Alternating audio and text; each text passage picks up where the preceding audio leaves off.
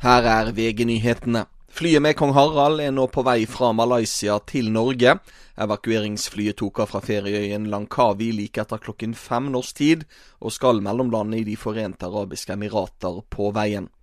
Dronning Sonja er også om bord på flyet, opplyser Slottet i en pressemelding. Kong Harald ble syk mens han var på ferie, og har nå fått operert inn en midlertidig pacemaker. Kongen skal legges inn på Rikshospitalet når han ankommer Norge, og være sykemeldt i to uker. Kronprinsen tar over som regent i denne perioden. Reporter her Knut Peder Gransæter. Donald Trump får 48 oppslutning i en ny meningsmåling i New York Times, mens president Joe Biden ligger etter og havner på 43% om to dager, 5. mars, er det såkalt supertirsdag. Da skal 15 delstater, også store som California og Texas, ha nominasjonsvalg, og rundt en tredel av delegatene til partienes landsmøter skal fordeles. En bil krasjet i dag morges i fjellveggen i Naustbukktunnelen i Øvre Årdal. Det var store skader på bilen, og airbagen ble utløst, men ingen personer befant seg i eh, kjøretøyet.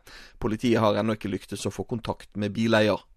Til slutt har vi med at Christian Ruud i natt tapte finalen i tennisturneringen i Acapulco i Mexico mot Alex de Minor. I studio nå, Thomas Alsaker. Nyhetene får du alltid på VG.